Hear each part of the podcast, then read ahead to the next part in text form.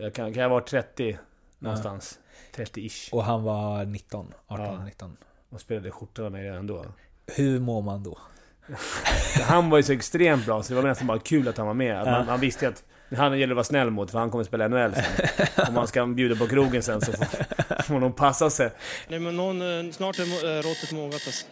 Persson! Lägger på blå för loppen, kommer skjuta, fintar skott, spelar pucken höger istället, Davidsson skjuter, man lever över returen! Skottläge kommer där! Kan jag få låna micken? I mål! Karln? Hur skjuter han? Jag kan bara säga att det där är inget skott faktiskt Lasse. Det där är någonting annat. Det där är liksom, han skickar på den där pucken så jag nästan tycker synd om pucken. Den grinar när han drar till den. Utan Fröbo var målvakt! Kan jag få låna micken? Kolla! Poff! En allvarligt talat Leif Boork håller på med hockey i 600 år! Kan jag få låna micken? SHL-podden från NordicBet det här, avsnitt 3. Det var ett tag sedan sist. Då var det med...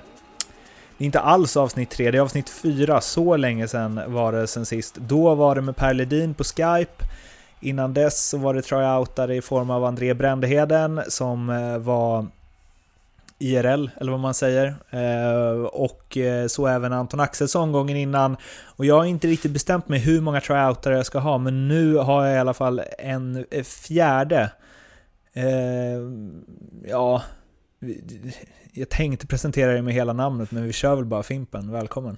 Tackar, tackar. Du var ju med i SHL-podden Möter som spelade in för ja, 57 eh, månader sedan. Eh, Men släppte här om veckan eh, som har blivit mycket uppskattad och därför så tänkte jag att Istället för eh, att jag, ska- vi ska berätta vad du gör nu för tiden här så skickar jag folket dit istället. Eh, klickar in på SHL-podden på Acast eller iTunes så får ni eh, lyssna där vad Fimpen gör, den långa versionen, men den korta versionen på 15 sekunder kan du få ta.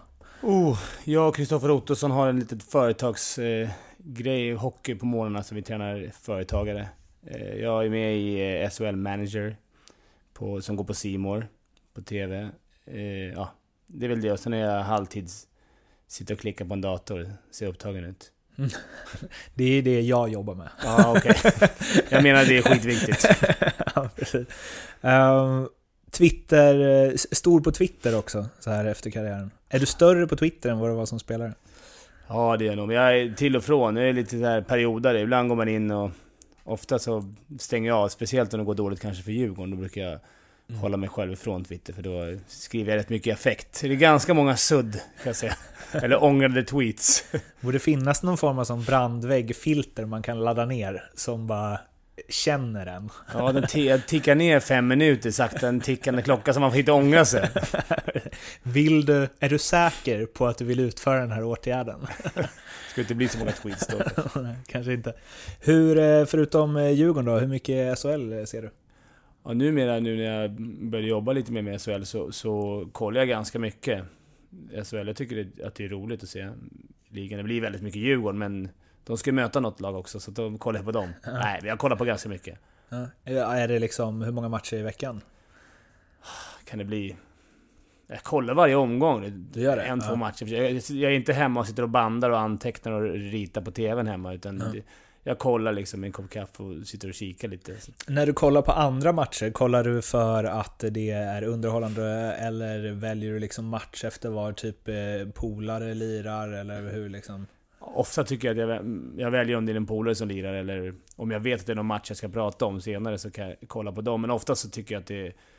Om det är någon vän som spelar någonstans så är det kul att kunna kanske skriva till honom efter och håna eller, eller gratta. Mest, mest håna. Ja, det blir så.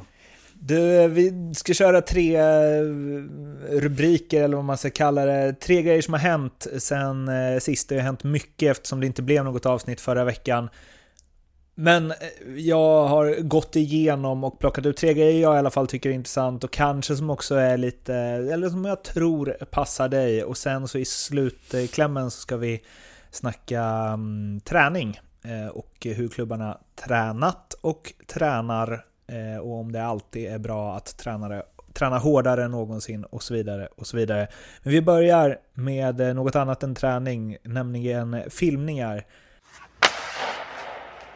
HV71s eh, stjärnforward som han hade blivit eh, titulerad i Aftonbladet. Det blev han inte. HV71-forwarden bara, rätt och slätt. Eh, per Ahlbrandt fick en klubba upp mot ansiktet av Luleås Bill Sweat i mötet lagen emellan.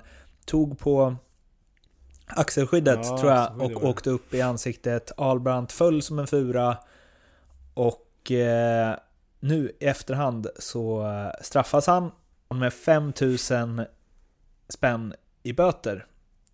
Eh, han har uttalat eh, sig följande till disciplinnämnden. Klubben, klubban träffar med hög fart min axel istället, vilket gör att min axelkåpa far upp och träffar mig på munnen.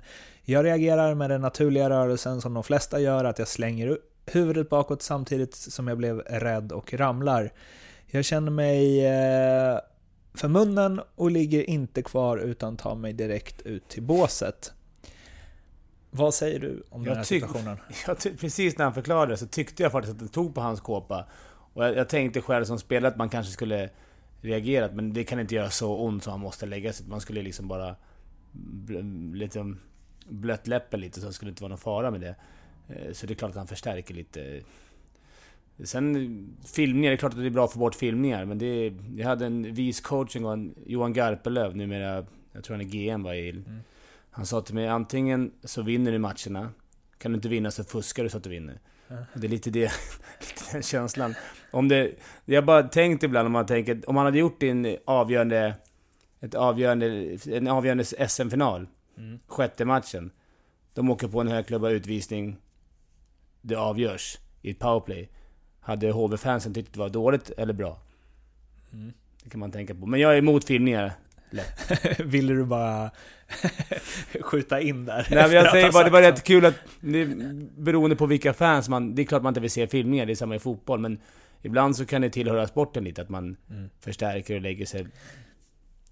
För en som aldrig lirat hockey och än mindre fått liksom en eh, klubba på, på läppen och heller ingen axelkåpa på läppen då. då. Blir, kan det inte vara lite så som man säger, att den naturliga reaktionen blir jag får något, jag tar mig för ansiktet och jag lägger mig ner? Eller känner du direkt huruvida det är en axelkåpa eller en klubba? Nej det tror jag inte. Man, jo, man kanske känner att det är en klubba. Man tar sig säkert mot läppen snabbt, eller i varje fall drar bort ansiktet, men lägga sig ner, jag förstår inte vad det skulle kunna hjälpa i den situationen. Det är väl det som jag tycker är lite... Sen att man kanske rycker till, det är väl en naturlig reaktion. Om du får någonting mot ansiktet så slänger man bort huvudet. Hur mycket filmade du när det begav sig? Jag, jag tyckte inte jag filmade mycket, men folk kunde säga det, att man kanske förstärkte ibland. Men jag, jag försökte inte göra det. Jag låg, jag, vi, hade, vi fick aldrig ligga kvar. Det var en grej vi hade när vi spelade Djurgården. Vi fick aldrig ligga kvar. Eh, men det är klart att man kunde falla lätt in mot mål någon gång. Om det var viktigt läge. Vilket jag tycker är fel själv. Men jag, så jag går tillbaka till det. här. Kan du inte vinna vanligt så se bara till att vinna. Om du fuskar på, på köpet så ja. Har du gjort något så här riktigt svanhopp någon gång och känt att när du gör att bara shit, den här kommer jag aldrig få med mig. Det här syns att jag bara faller. Ja, någon gång har blivit hakad, man har lagt sig ner så har han bara släppt klubban, så man legat med klubban där som en... Och då skäms man ju, det ska man göra också, man ska inte filma men... Men ibland i stilen så att man vill så jävla gärna, oj, man vill så gärna vinna. Ja. Eh, så man vill vinna till varje pris, och det är till och med att man vill lägga sig. Ibland. Vem är den spelare du har mött som filmat mest? Enligt din eh, åsikt. Det var svårt. Svårt, att- svårt att se många, jag tyckte... Det var nog jag tyckte inte det var så många som filmade, alltså med, som var ofta. Det, jag tyckte, man tyckte alla filmade. Så fort Ja. man slog någon eller crosscheckade någon i ryggen så tyckte man att han filmade. Ja. Det spelade ingen roll. Så att, jag tyckte inte det fanns någon speciell som filmade. För lätt liksom. Det gjorde väl alla. Det var väl Ja. lite, lite spelsinne också men... Ja. Nej, jag tyckte inte det var någon som filmade mycket. Men jag tyckte att alla filmade för att... Mm. Precis som de tyckte att jag filmade. Jag tänker på din så här NHL... eh, Abbott-brorsorna kom jag på nu. Abbott-brorsorna, okej. Just det, Ja. de, de föll väldigt lätt. De Ja. skulle spela lite hjältar och sådär ibland. Så Ja. där, de, de kunde jag få spelet på, men... Ja, men eh, det- om man ser till liksom hockeyn kontra fotbollen där, för fotbollen är det ju hela tiden liksom. Ehm, jag tycker ändå om man jämför med... Alltså man behöver inte gå så långt tillbaks i tiden för att det har ju ändå funnits en tid inom hockeyn då det inte spelade någon roll vad, alltså där det var svårt att få en utvisning då, var, det- då fick du ingen utvisning även om du liksom... alltså NHL var ju helt sjukt ett tag med hakningar. Du kunde ju bara sätta upp klubban. Det här ljudet är super podcastvänligt. Vi pausar. Ja, jävla skön sågning på... Dagens sågning, var kommer det ifrån? Blir en sån eh, naturlig sågnings... Eh, Fimpen sågar. Ja, precis. Jo, men just det att så här, de... Alltså, då hjälpte det inte att filma. Nu har man väl ändå kommit till en nivå då det är så här, du får inte ha klubban över där och du får inte slå på handsken och du får inte göra si, du får inte göra så. Då är det ju också lättare att få med sig utvisningar liksom. Ja, det, det tycker jag blir stor skillnad. Folk har ju kanske lärt sig lite. Vi är väldigt oroliga för huvudtacklingar och slow footing och... Domarna blir ju mycket bättre. Det är mycket mer fokus på vad som blir utvisning och inte. Så att det har blivit lite mera hellre fälla än fria. Förut, som du säger, tyckte jag att det var mycket mera... Då kunde man försöka filma, det spelade liksom ingen roll. Mm. Det var mycket mer... Spelet var ju långsammare för man fick haka, så hålla i varandra och... Nu går det så fort så att... Nu tar kanske spelare chansen och då ser det ju så illa ut. Därför är det kanske bra att TV, TV-kameror och sånt kan snappa upp det här. Som Vad- Ahlbrandt. Vad tycker du då? Liksom 5000 spänn i böter? Vad... Jag tror inte han eh, ligger sömnlös över de 5000 men det är ändå... Jag tror pengarna är, spelar ingen roll. Det är mer som spelare att få det här Stämpeln? stämpeln att man har filmat. Det är inte kul för det är, det är, det är pinsamt. Ja. Eh, det fanns ju en kommentar också från eh, HV71s eh, Johan Hult till Jönköpings-Posten som sa Jag tycker det är bra att man håller efter diving och just denna situation är svårbedömd men jag skäms och situation, å situationsrummet och disciplinnämndens vägnar efter det här beslutet och jag är mycket spänd på hur man kommer att se på liknande incidenter i fortsättningen. Jag menar, här har vi spelare som lägger ner hela sin själ i hockeyn och så tilldöms de böter för att ha fått en smäll över kä- käften. Riktigt dåligt skött. Eh, Alltså, en poäng men ändå inte. Ja, han är väl, det är väl hans jobb också. Skydda, Det gillar jag i och för sig, att man går ut och skyddar sina spelare i vått och torrt. Mm. Och sen så tar han säkert det här internt Mm. med Ahlbrandt. Sen kan det ju faktiskt vara så som vi såg på bilderna. Den träffar ju Axel Kåper, den går upp i munnen, så han tycker väl att han har fått en smäll. Mm. Och han kan inte förstå. Men han har förstärkt, det har han gjort. Det kan han inte komma undan. Och det är det han får böten för. Mm.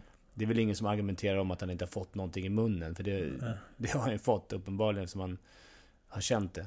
Så mycket lurar man inte. Men eh, eh, jag tror det var Fernando Torres som sa en gång, för att återkoppla till fotbollen, att ehm, för att han fick så mycket skit för att han filmade och så. Och då sa han att alltså, i, under 90 minuter så står backarna och kliver på mina hälsenor och armbågar mig i ryggen och slår mig i sidan för att få mig ur balans och göra mitt spel sämre.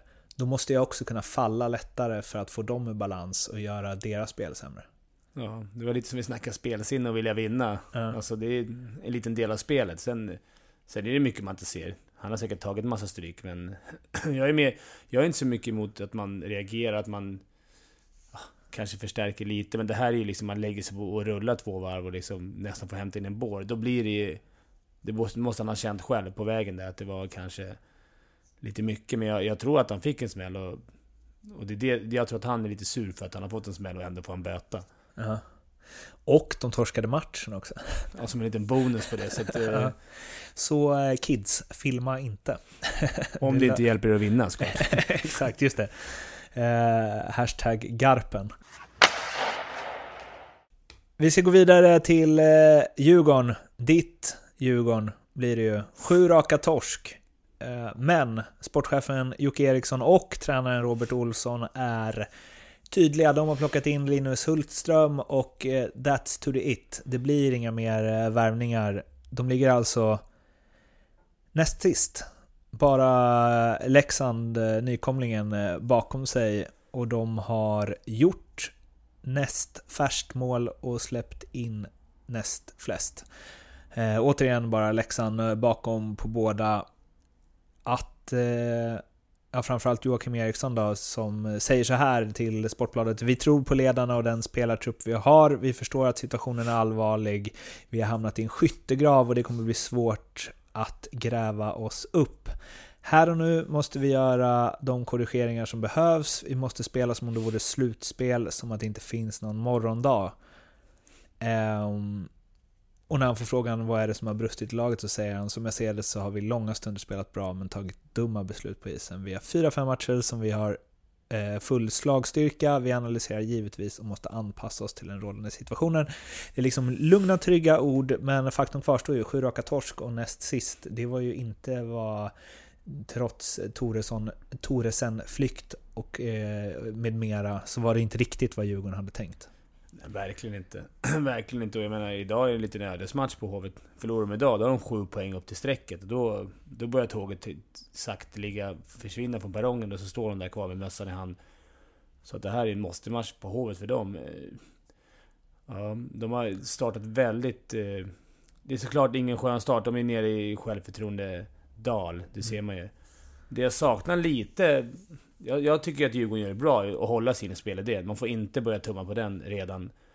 Även om det går tungt. För då... Det är som att säga att vi hade fel. Mm. Tro på det de gör.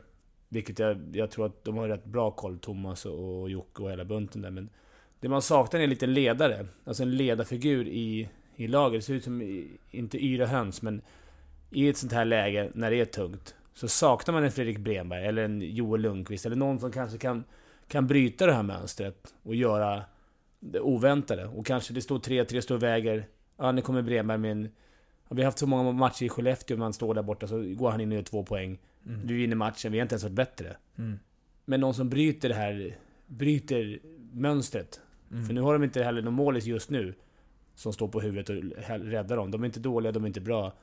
Just nu är de mellan, lite mellanmjölk och det, de kommer inte vinna några matcher åt Djurgården. Är du förvånad över att det har gått så här dåligt? Ja, det är jag faktiskt. Jag, jag trodde att eh, Tamberlini och de här skulle vara de här. De har ju bytt ett lag säger de, utan några speciella stjärnor när Toresson gick. Förra året var det ju han som var mycket laget. Mm. Vinna skallen och, och ledaren på isen, ledaren i omklädningsrummet. Mm. Det trodde man kanske att de värvade in i med Tamberlini. Han fick en tung start, man mm. vet hur det är med målskyttar. Gör inte de mål, då börjar de räkna hur, hur många matcher sen de gjorde mål. Mm. Och antingen får de sätta elstötar på honom och få igång honom, eller så måste de nästan in med en, en klassspelare som kan vara den här ledaren. Men sådana växer inte på träd. Nej. Tycker du att det är fel att de så äh, verkligen inte vill värva? De, de, de, på något sätt så måste de ju tro på truppen och tagit ut också, men jag, jag kanske kan tycka nu att... De måste väl ge Tamberlini mer än 11-12 matcher, men tiden, tiden tickar här. Det måste vara någon som står upp och är den här killen man ska följa. För att, tyck, jag tycker det ser ut som att de kollar på varandra mycket. Mm. De kör och, och sen allt det här med statistiken och det. Jag tycker det är svinbra, men det känns som många spelarna har börjat spela på statistiken. Man tar avslut för att få upp coursing som det kallas. Mm. Kanske alibi-avslut ibland. Skjuter, skjuter i lägen för att få upp sin egen statistik. Mm. Fast det kanske inte egentligen är farligt. Mm. Eh, men det har de säkert koll på. Men ibland så tycker jag att det är mycket alibi-avslut. Så man kan se Djurgården ibland har haft 30 skott. Då har liksom 22 varit eh, innanför blå, en handledsskott rakt i bröstet. Ja. Och det, det räknar inte jag som farliga chanser. Men nu, nu har väl de en annan statistik på det, antar jag. Men, men eh, Nej, som sagt, de behöver hitta en ledare. Kan du se någonting i truppen som är så felkomponerat? Alltså nu har Jeff Tambellini inte levererat. Det är noll mål och två ass på 12 SHL-matcher. Han har varit bänkad också. Men finns det något som är felbyggt här liksom?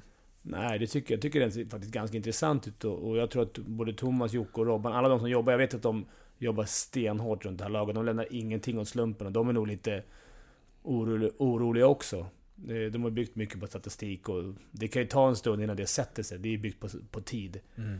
Men laget tycker jag... Det är i så fall att de kanske saknar en ledare, men de kunde inte veta att inte Tabolini skulle göra mål. Att, att Matt Anderson skulle kanske inte var, kliva fram lika mycket som i fjol. Och, och nu kommer ju Hullström tillbaks, vilket kanske kan vara...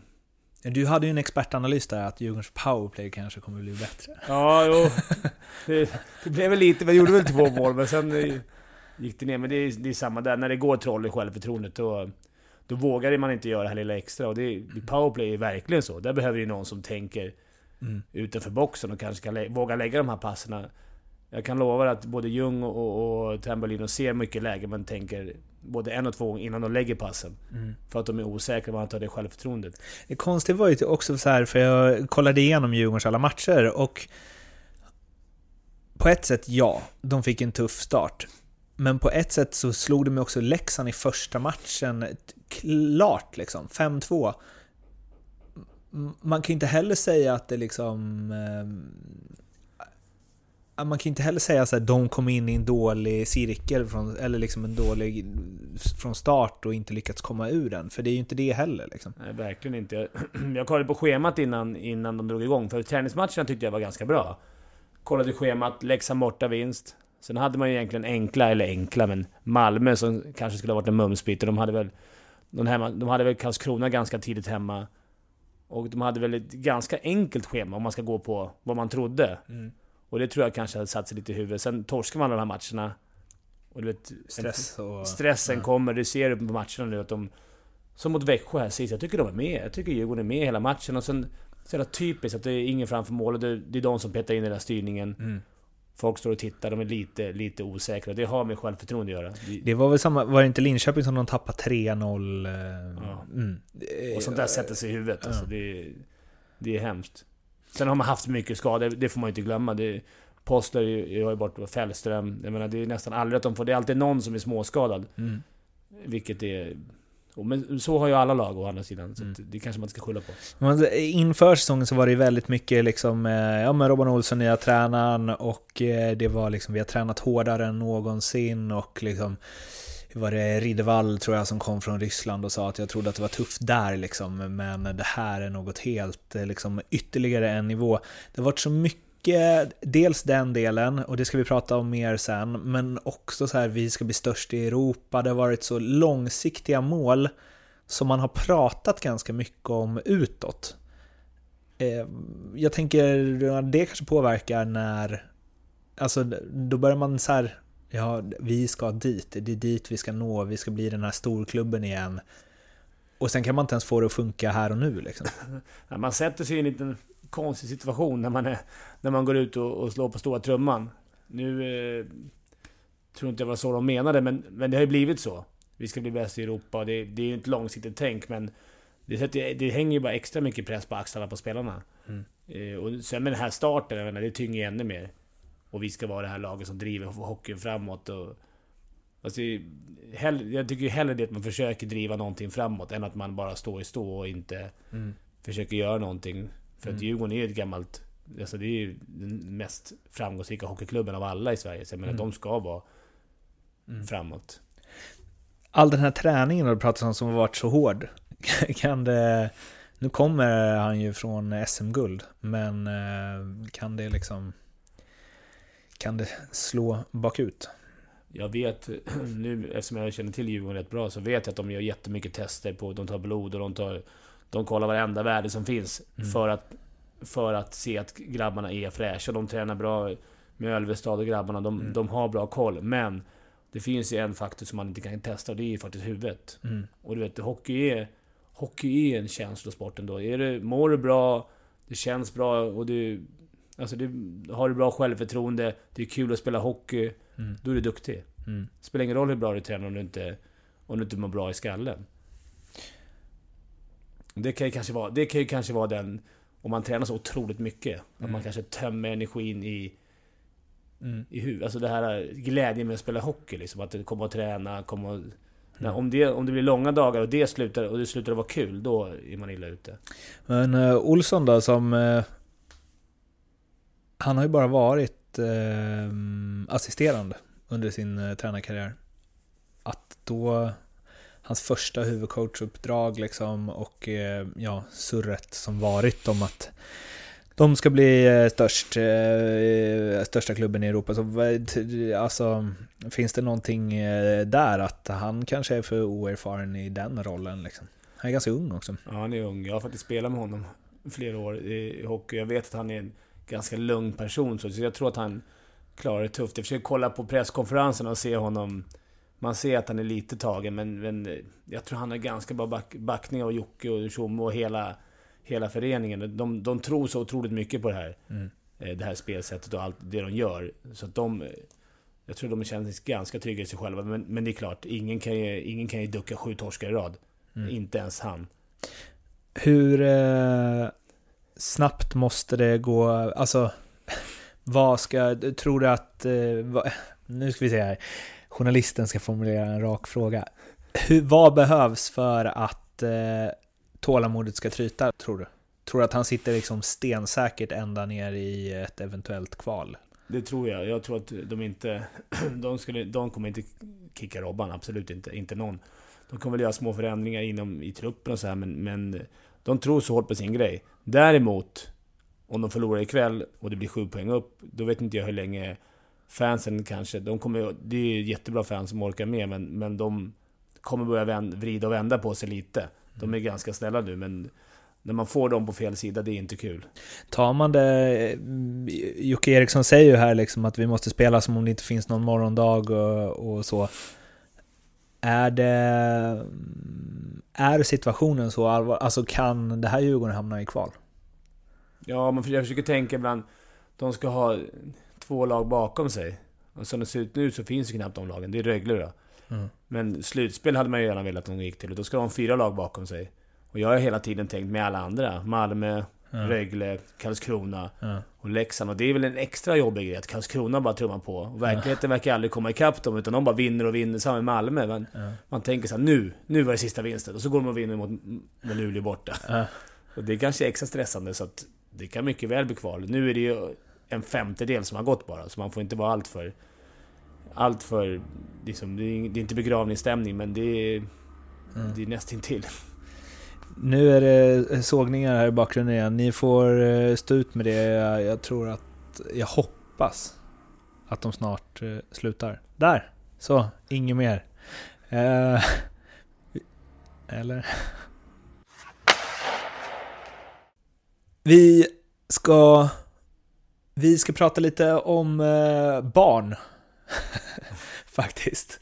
Eh, och då inte eh, din son som du berättade förut hade har valt Fredrik Linkan Brembergs nummer som ett statement kring vilken hockeyspelare han vill vara. Ja, lever han upp till det? ja hyfsat bra i alla fall. Eh, har, har Linkan eh, någon son som har valt eh, ditt nummer? Han har två döttrar. De, Okej. Jag hoppas att de väljer mig i fotbollen nummer 20. Ja, Ska se okej. till det annars. Får ge en färdigtryckt tröja. Du, ehm, barn ja. Istället långa passningen här till Bill Sweat som dröjer sig kvar. Bill Sweat, skottet i stolpen. Returen då.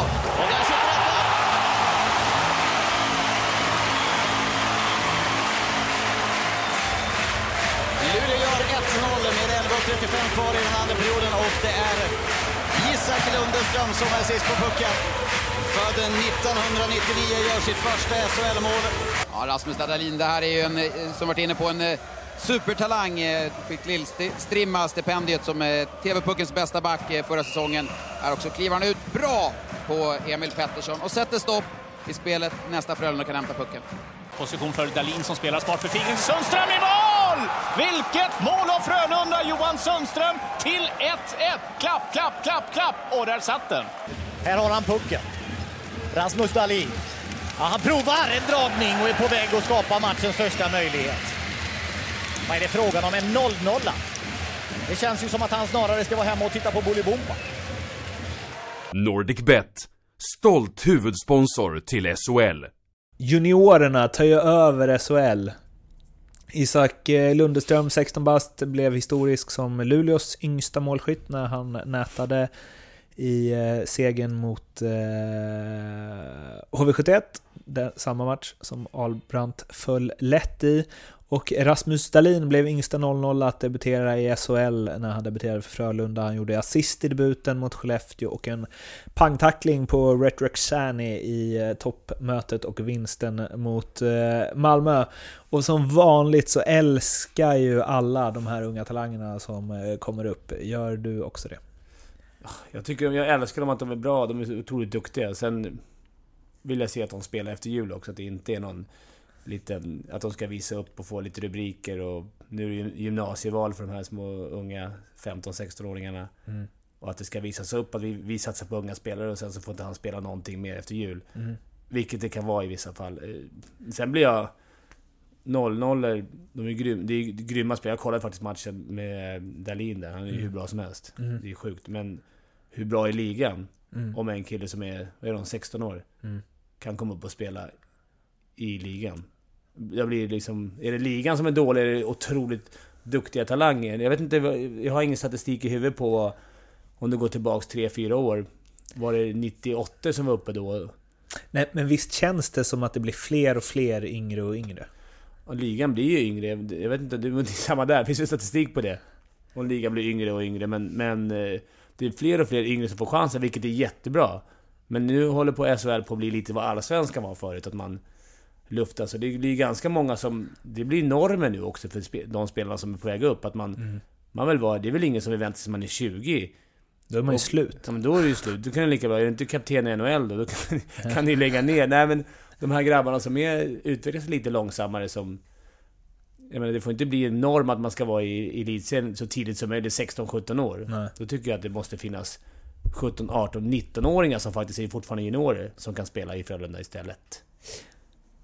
En, eh, ett litet sidospår på det här, men ändå med ålder. NHL. Jag läste eh, något från Elite Prospects idag, hade lagt ut en eh, video om vad som hände det året som Jaromir Jagr debuterade i NHL.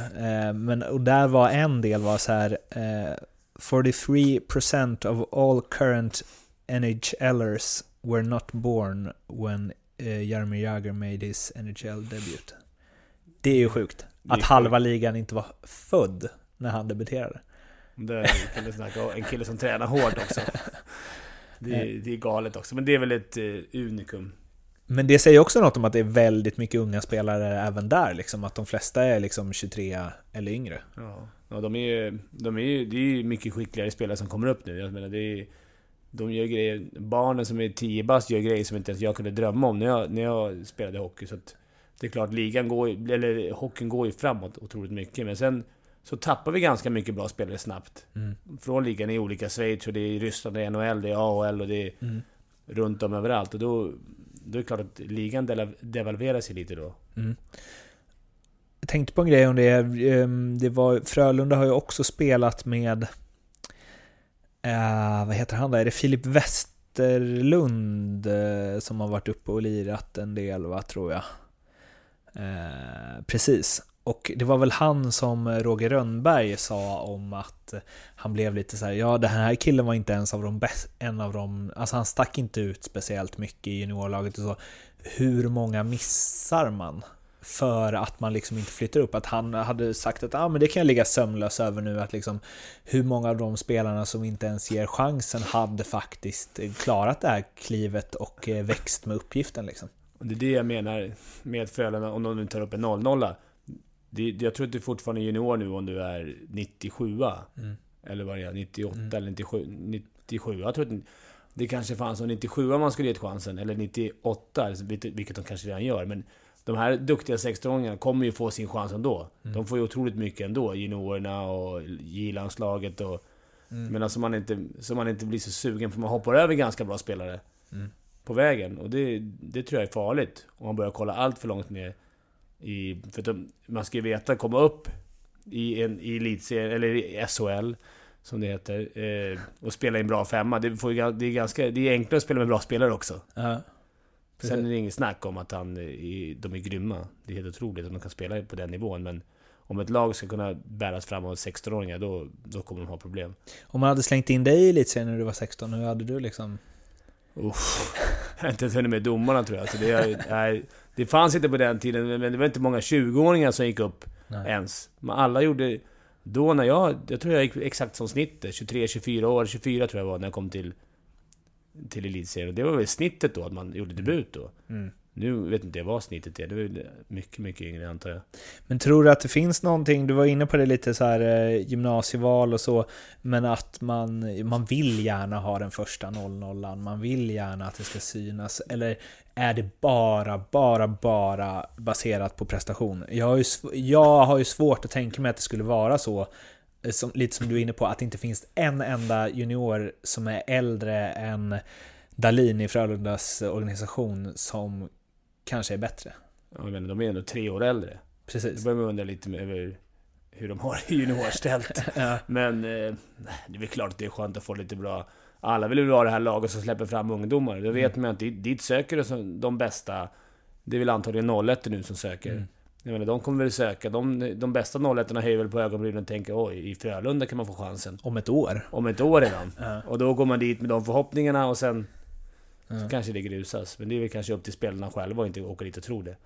Vem är den eh, bästa du har sett i eh, ung ålder?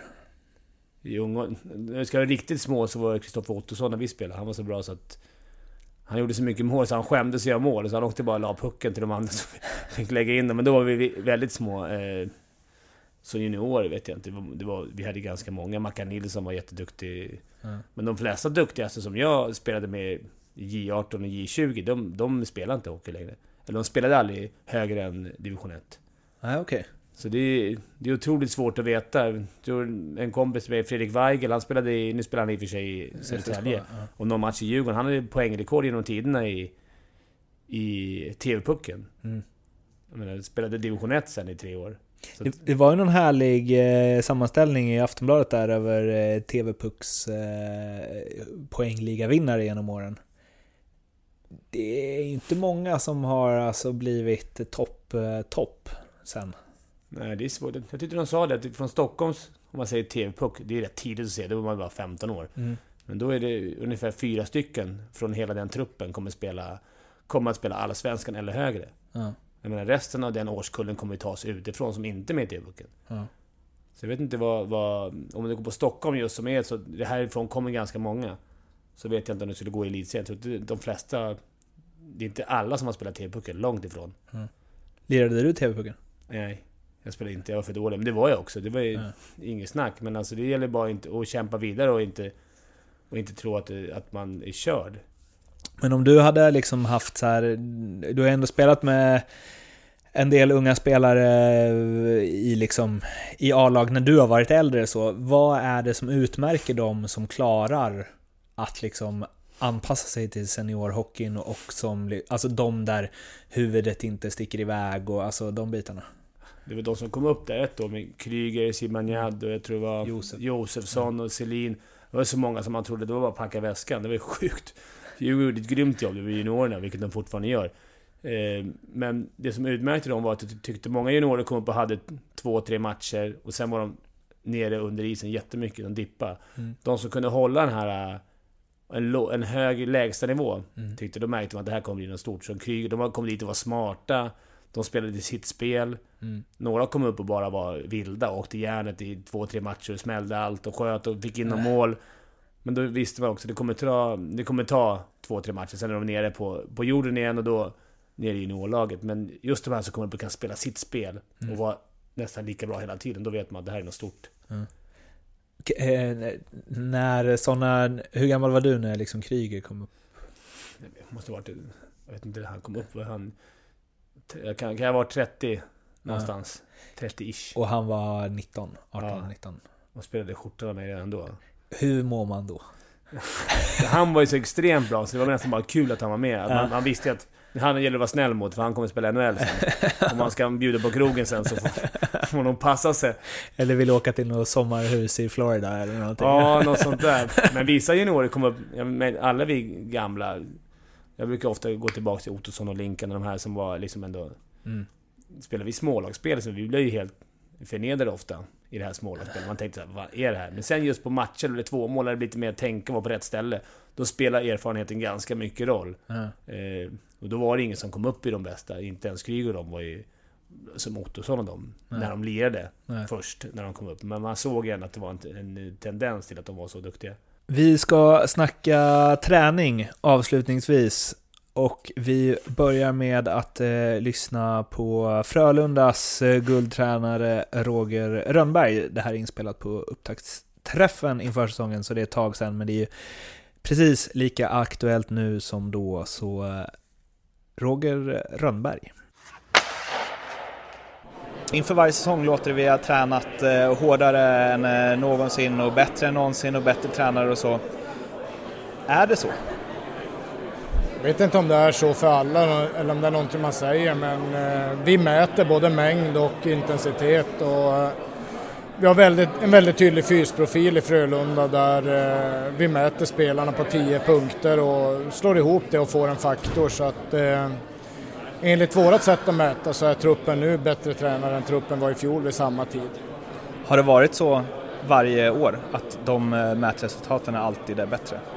Ja, vi går framåt lite grann hela tiden och eh, det ser jag på våran kärntrupp, de sju, åtta spelare som har varit längst hos oss. Och ehm, till exempel Niklas Lasu så har han senaste fyra åren blivit lite bättre tränad för varje år. Och det, det är ju elitidrott vi sysslar med så det går inte att bli 50% bättre tränad. Men det är små procentenheter, det är små enheter som man tar varje år. Och det är viktigt för oss att verksamheten verkligen gör spelarna bättre. Hur gör man för att hela liksom Eh, om man blir lite, lite bättre varje år, man har haft en spelare i flera år, vad skruvar man på för att få ytterligare liksom 0,2 procents bättring? Ja, men jag tror det är precis som om du håller på med Formel 1, att du, det blir mindre och mindre detaljer för att optimera en prestation och vi, vi jobbar egentligen med en slags logisk felsökning efter en mall vi har där vi vi kopplar vetenskap mot eh, trä, träningsmetodik, vet, vetenskap från våra, våran läkare på att kolla på återhämtning eh, och så vidare. Så att eh, vi vill ju förfina våra metoder så att de blir, så att jag vet att de gör oss bättre. Inte att vi bara sätter upp ett finger i luften och att vi har lagt till en träning och tror att det gör oss bättre utan vi säkrar allt det vi gör från vetenskapen. Det låter svinavancerat. Ja, vetenskap är svinavancerat men eh, det finns ju någon som ska forska på något eh, överallt hela tiden och har man bara ett kritiskt förhållningssätt och så, så, så, tror jag att, eh, att man kan ta saker och ting framåt över tid. Finns det en risk att man grottar ner sig för mycket i siffrorna?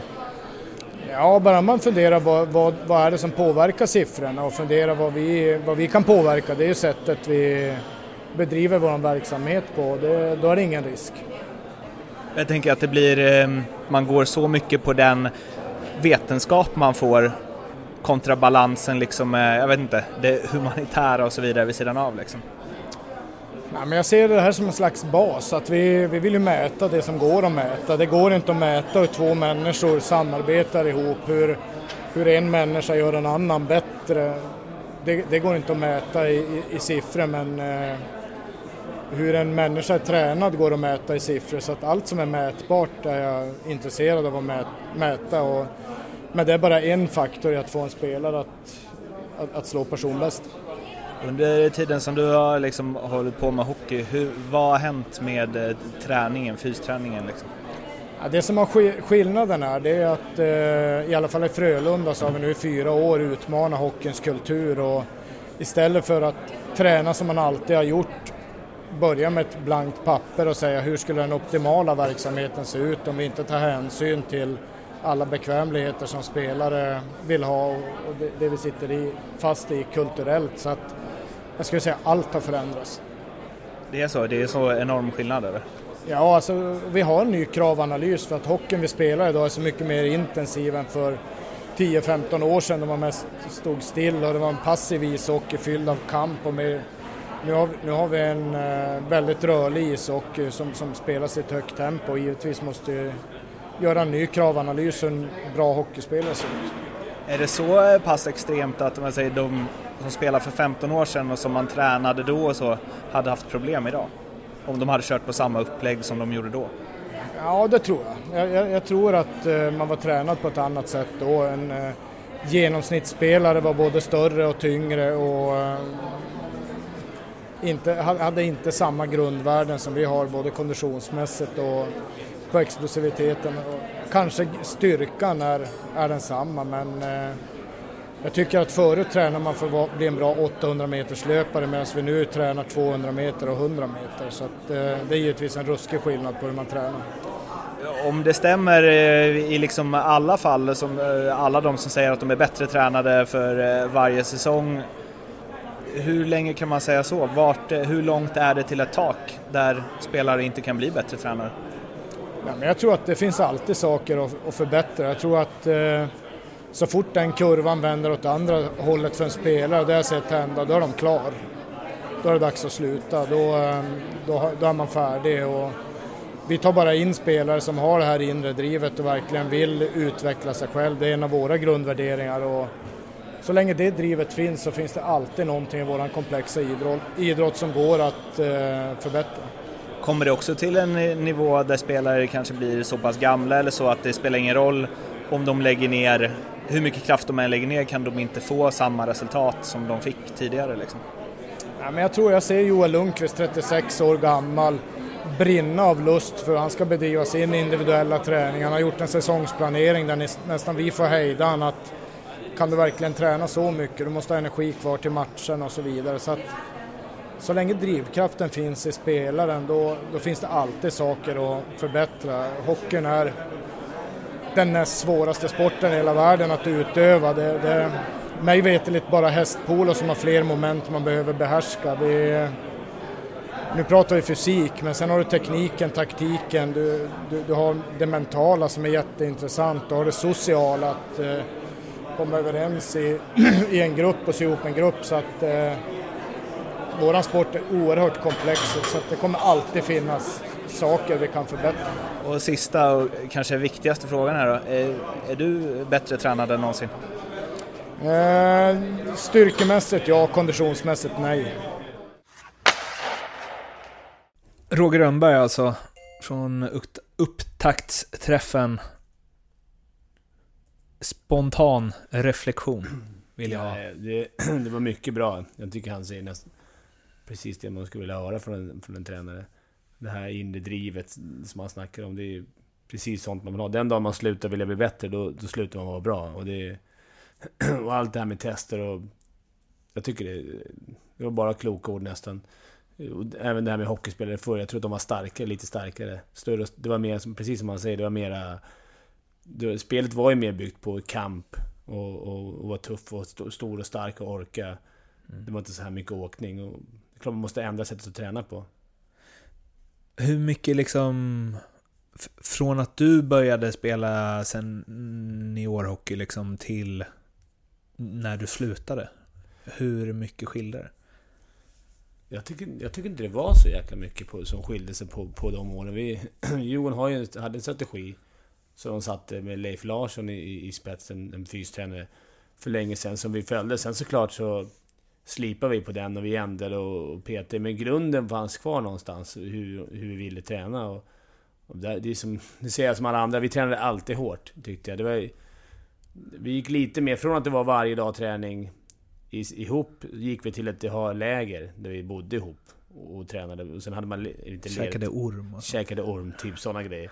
Men samtidigt som man ledig var man man var hemma och körde egen träning två veckor. Mm. Sen testade man sig efter en vecka, bodde man ihop. Det var den stora förändringen för mig.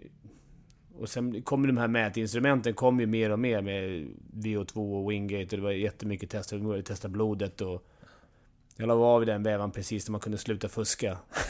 Då fick jag lägga av. Nej men... Det var... Det var seriöst redan då, men det är såklart, det går ju framåt som man säger. Det utvecklingen går ju framåt. De ska utveckla snabba, bra spelare nu.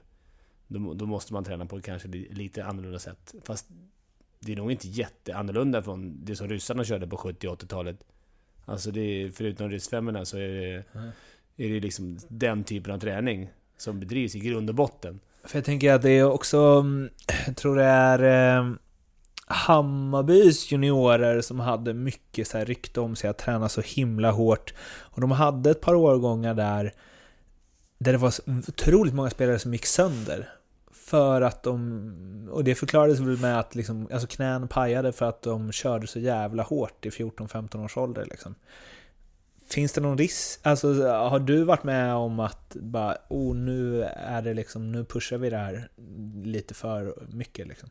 Ja, men det kunde väl hända ibland att man, att man pushade. Det, det är mer en själv som pushade. Mm. Man pushade och ville träna, träna, träna. Det, det är klart, till slut går man sönder. Men det har blivit bättre tror jag med den här världen. Man tar, mäter och kollar. Mm. Sen kan man ju aldrig se exakt hur ett knä ska reagera. Men de, de ser nog ganska bra på hur de ligger till just med att kolla i blod. Om man är, är man fräsch eller inte fräsch. De kan se rätt mycket bara på sånt. Ja.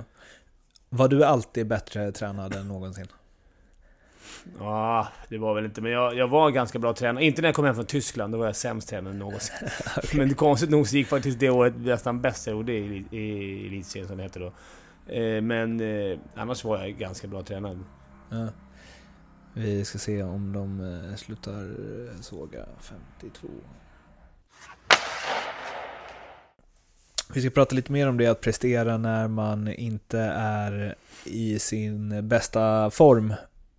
Men eh, först, jag sa det lite skämtsamt det här med att äta orm och grejer. Eh, Leif Borks gamla eh, rövar, eller rövarhistorierna om hur Leif Bork la upp försäsongsläger och så. Men har du några sådana på lager? Mördarträning? Vi hade ganska mycket sådana här. Vi hade... I Djurgården hade vi årligen olika tester. Vi hade någonting som hette Lidingöloppet på cykel och vi hade någon... Om det var triathlon som vi hade internt som laget tävlade. De var inte... De var väldigt tuffa. Det hade vi även när vi var ute och tälta och vandringar och, och allt det där. Så att vi... Vi har fått vår beskärda del av, av det där. Men det gick till nästan till överdrift en gång när vi hade en egen kock med oss på bussarna som stod och lagade havregrynsgröt nere i ett trångt penter. Liksom, t- gick och väckte alla och tvingade i dem havregrynsgröt innan matcherna. Då hade kände man att det gått, det här gått långt alltså. Det måste ju varit ett tag sedan. Ja, det var ett tag sedan. Det var, vi hade Wikegård där. Okej, var det så alltså? Ja.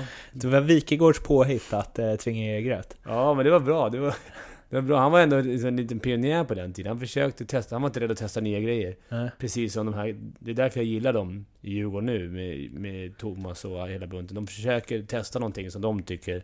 Eller som de tror på. Mm. Du sa ju innan eh, jag tryckte på räck att Wikegård hade andra eh, idéer, eller eh, metoder också. Ja, vi hade någon match mot, mot Färjestad, jag vet inte om det var slutspel. Då hade han kommit över Färjestads eh, siffror, om det var bänkpressiffror, om vi fick kolla, jag drog upp dem bara, här är deras siffror. Och så visade han oss och vi slog dem i allting och man tänkte fan är de inte starka? Så där. Men sen tror jag vi åkte ut och torskade matchen ändå. Så det, jag vet inte om han var ett sätt för oss, att, eller för honom att lura oss lite. Men det var i alla fall kul, nu så här i efterhand. Han, på tal om tränare som är vältränade, Rönnberg var ju väldigt ärlig här. Styrka kontra kondition. Wikegård är ju fit alltså. Han är verkligen alltså. han, har blivit, han har tränat på bra. Ja. Han har nästan klarat ett byte tror jag. Ja, det är bara det här lilla med att man ska kunna spela hockey. Nej, han var duktig. Han ger det själv. Men för att prata lite om det då, att eh, prestera även om när man, när man inte är eh, maxtränad, eller eh, vad måste jag säga? Nej förresten, jag vill ha dina siffror först. Vad, liksom, vad gjorde du på milen och vad bänkade du som mest? Och, Jag var, ganska, jag var bra i bänk. Jag hade 145 i bänk, vilket var väldigt starkt. vad tar du idag? Jag vet inte, men 100 skamgränsen tar jag nog. Alltid. ja. jag, jag, jag har inte tränat bänk på länge, men...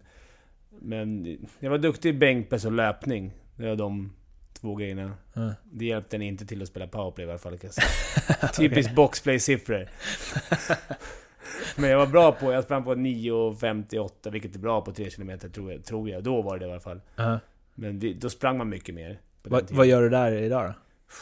Jag tror jag fick faktiskt fick spöa grabben här på en KB-test. Och han är fem, 14 eller vad är han? 14 är han. Okej. Och det var hemskt. Jag, jag springer nog ja, 12 någonstans. Men får man någon vecka på sig så kan jag slå honom. Ja. är det målet nu eller? Ja, går snabbt. Nästa sommar så säger jag alltid nästa sommar då. Vad Fimpen, vad tränar du för? Är det liksom Vasaloppet eller Lidingö? Nej, jag ska slå grabben på Ja. Cooper-testet. Ja, vi har en liten grabb till som jag kan slå. Slå. Så jag går ner på honom istället. Hur gammal är han? Han är bara 10, så jag har två, tre år till på mig. Ja, det låter stabilt. Eh, vad, vem är den mest eh, vältränade du spelat med? Ölvestad var väldigt tränad. Eh, Kristoffer Ottosson. De som spelar nu, så Hank the Tank, jag tror alltså det är bara maskiner. Han är, springer, hoppar, skuttar. Han är superhjälte. Alltså, han är bra, stor och stark. Och, Har du något sånt så här fysresultat som är det mäktigaste du sett? Som någon har lyft eller sprungit eller liksom? jag tror jag sett Robert Nordmark lyfta bänk. Jag kommer inte exakt ihåg vad det var, men vet, hela bröstmuskeln sprack. Så han blev skadad, så det var inte så kul så. Men han, när han lyfte bänk, då var det bara tyst i gymmet. För han kunde... Till och med så att när vi åkte med juniorerna, då skulle, jag vet inte om vi pratade om det sist, då skulle Wikegård utmana Tommy Bostedt. För han var tränare i juniorerna i, i eh, Frölunda. Så vi fick båda lagen gå upp och kolla på bänkpresstävling. Mellan Wikegård och eh, Bostedt. Vem vann? Jag vet inte, jag tror att det var Viken för att jag hann inte klar. Eh, Vem är den bästa hockeyspelaren du spelat med kontra hur dålig dens så här, fysik var? Det är svårt tycker jag. Linkan kanske inte på värdena hade något bra. Han är inte speciell i bänken. Han hade starka ben, men Ja. i löpning och så här fick alltid ganska dåligt. Både han och Dick Axelsson var ju, om man skulle gå på fysvärdena så var ju de i fjärde linan och jag skulle varit Ja. liksom första linan. Ja. Inget snack. Men väl på isen sen så lyckades de få ihop det. Dick Ja. Axelsson var extremt sådär, tog allt med en klackspark. Men han levde liksom på, de hade ju något annat istället, huvudet och den här glädjen med hockeyn och, och det är klart, det hjälper ju om man är bra tränad. Mm. Då behöver du inte vara lika talangfull. Eh, Rickard Wallin berättade en gång, eh, det avsnittet kan ni lyssna på också om ni söker på SHL-podden som heter Tek då. Eh, han berättade, han har ju spelat med eh, Phil Kessel i Toronto. Bott ihop också där eh, på bortamatcher och så. Och då eh, sa han att han kanske inte hade den bästa fysiken och så. Eh, och såg inte så, liksom, så mycket ut för, eh, för världen. Men slängde man ut en puck och vem som skulle vara först på den så slog han alla. För att det finns något i huvudet där. Det är Ett tävlings- brinn liksom. Tävlingsinstinkten, det är det, det man letar efter nu. Det är ju folk som vill tävla. Det är liksom det nya, eller nya, men så har det Mm. väl alltid varit. Men vi måste hitta spelare som vill tävla. Och då, det är klart, men det här hjälper ju dem att bli bättre i tävling. Men den instinkten måste finnas som du säger. Släng ut en puck så måste du vilja ha den, vilja vara först. Mm. Har du inte det drivet, kan du träna mycket som helst. Jag menar, det finns ju division 1-spelare som är bättre tränade än många kanske i SHL nästan. Mm. Men det är ju något annat som avgör om, om vad man spelar. Vi ska prata om eh, lite mer om just det att inte vara så bra tränad men ändå prestera väldigt bra. Mattias eh, Kålan Karlsson sa i en intervju med Hockeysverige.se för ett eh, tag sedan, jag tror det kanske var inför den här säsongen, då han la upp en bild på Instagram just kring så här, eh, träningshetsen inom uh, hockeyn. Uh, jag visade bilden för dig förut. Han står i ett par Speedos med zebramönster. Bara de är värda att eh, gå in och titta på hans Instagram för. Där han... Eh, och på den bilden så skriver han att här har jag gjort min eh, bästa säsong eh, någonsin. 29 poäng, spelade i landslaget och eftertraktad av en massa klubbar. Och sen så bredvid så var det en bild på hur han ser ut nu där han har sexpacket på plats och ja, väldigt rippad liksom. Eh, och i, i, det här, I den här intervjun så säger han att jag vet själv att 80% av alla spelare i SHL är bättre tränade än jag är, men det handlar inte bara om träning. Jag gjorde 29 poäng den säsongen jag spelade i landslaget och jag var eftertraktad. Det går bra att vara bra på hockey även om man ser ut sådär.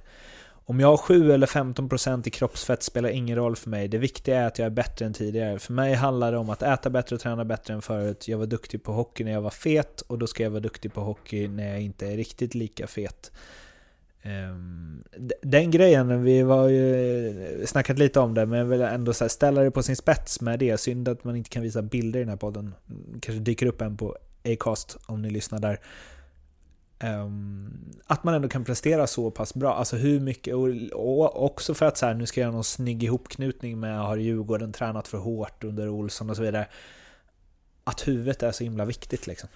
Ja, jag tyckte när jag spelade, jag kan ju bara säga till mig själv, men att huvudet är ju... Har man inte huvudet med så tycker jag att det är kul och, och ha glädjen till hockeyn, för det, då, då går det inte att spela. Det är tufft eh, rent mentalt att vara hockeyspelare. Du ska upp till Luleå, du ska spela, du ska flyga direkt till Skellefteå, sen ner till Malmö, sen hem. Två matcher hemma, du har öppna Aftonbladet, har ett plus och sen hem och så mata ungarna. Alltså det är, det, är, det tuffa är mentalt. Det finns de som har det mycket värre, självklart. Jag säger inte det. Mm. De har bra betalt, så de ska ha tufft. Men man måste också leka lite... Det är svårt att mäta hur man mår mentalt. Mm. Nu har ju många klubbar eh, börjat använda mentala tränare. Många säkert sedan flera, flera år tillbaka. Och, Kan det bli för mycket av alla värden och alla mätningar och alla mentala coacher och så att det blir åt andra hållet istället? Ja, det kanske kan bli det. Alltså man, inte... Att man glömmer bort det här viktiga med att det bara ska vara kul att spela hockey. Mm. Det, det tror jag är grymt viktigt. Alltså, är den dagen det inte är kul längre, då är det svårt att bara genom att ha ett bra värde någonstans kunna vara bra spelare. Sen är det ju jättebra att kunna vara bra tränare, för det är skadeförebyggande också. Mm. Jag vet inte hur Frölunda har det på sin... Om de nu är grymt bra tränare, att de inte har så mycket skador heller. Mm. Är du dålig tränare så tenderar du på att bli skadad mycket lättare. Och det, då hjälper man sin... Man hjälper inte sig själv då. Jag, jag får väl avsluta den här diskussionen med att fråga som jag frågade Roger Rönnberg då. Hur bra är du tränare? Hur bra tränade du idag? Inte alls bra. Jag säger väl samma. Styrkan är ungefär samma. Konditionen rätt mycket sämre. Mm. Jag har blivit bättre tekniskt som hockeyspelare tror jag nog. Är det så alltså? Ja, Hade du gått in i PP nu? det tror jag. Ja. Korta PP. Korta VPn bara. Stå, stå framför mål och ta stryk. Det är ingen förlora. Precis. Eh, vi ska börja runda av det här. Jag ska bara eh, slutligen dra Karjala Cup-truppen eh, som ser ut enligt följande. Joel Lassinantti, Niklas Svedberg i mål. Staffan Kronvall, Oskar Fantenberg, Henrik Tömmernes, Erik Gustafsson, Linus Hullström, Jonas Junland, Jonas Arnelöv på backar. Forwards Fredrik Pettersson, Rickard Gynge, Mattias Sjögren, Dennis Heverberg, Patrik Zackrisson, Joel Lundqvist, Alexander Bergström, Sebastian Wenström, Johan Sundström, Carl Klingberg, Andreas Turesson, Mario Kempe och Linus Klasen. Någon du saknar? Det är svårt. Det är de som är bäst just nu som ska vara där. Nu kommer det bli många avhopp. Ryska grabbarna brukar inte alltid få komma. Mm. Så det kommer att bli några avhopp där antar jag. Mm. Kul med, med Bergström där från eh, Mm. Karlskrona. Känner du lite där att du bara, mm, det är liksom han, det är ändå där du kan identifiera dig? Ja, lite. Det är därför kanske jag är så tjurig på de här så många. Jag är inte tjurig på de många grabbarna, jag tycker de är grymma. Ja. Det är bara att det är kul att han vågar ta med sådana oprövade kort. Och nu har han varit så bra att nu ska han vara där. Ja. Han hade lika bra kunnat gått efter rubriken och tagit någon kille som var 18-19 år som har gjort det bra. Men Mm. han tog helt enkelt de som han tycker är bäst just nu ska bli intressant att eh, se. Vi eh, ska avsluta med att säga att vill ni eh, tycka och tänka om det här avsnittet så är det att SHL-podden på Twitter eller hashtag SHL-podden. Ni kan ju berätta om era egna träningsresultat om inte annat och får gärna skriva vad ni tyckte om Fimpens eh, tryout om ni vill ha med honom oftare och likadant gäller mig där. Ni kanske vill byta ut programledaren och då är det bra att veta. Vill man följa dig på Twitter så är det att Fimpen bara. Att. Fimpen. Det är någon som har fixat det åt mig. Okej. Nej, Fimpen är nog bara... Hittar ni inte så googla. Vill ni snacka med mig så är det att Martin med TH Bergman. Det var alles för den här gången. Eh, Tack för att du ville vara med. Tack för att jag fick vara med. Och sen ser vi om eh, vi eh, hörs igen. Ja, vi hörs säkert igen. Men ni som lyssnar. Nästa vecka kommer nytt avsnitt. Se vem som tryoutar då. Tills dess, ha det fint. Hej!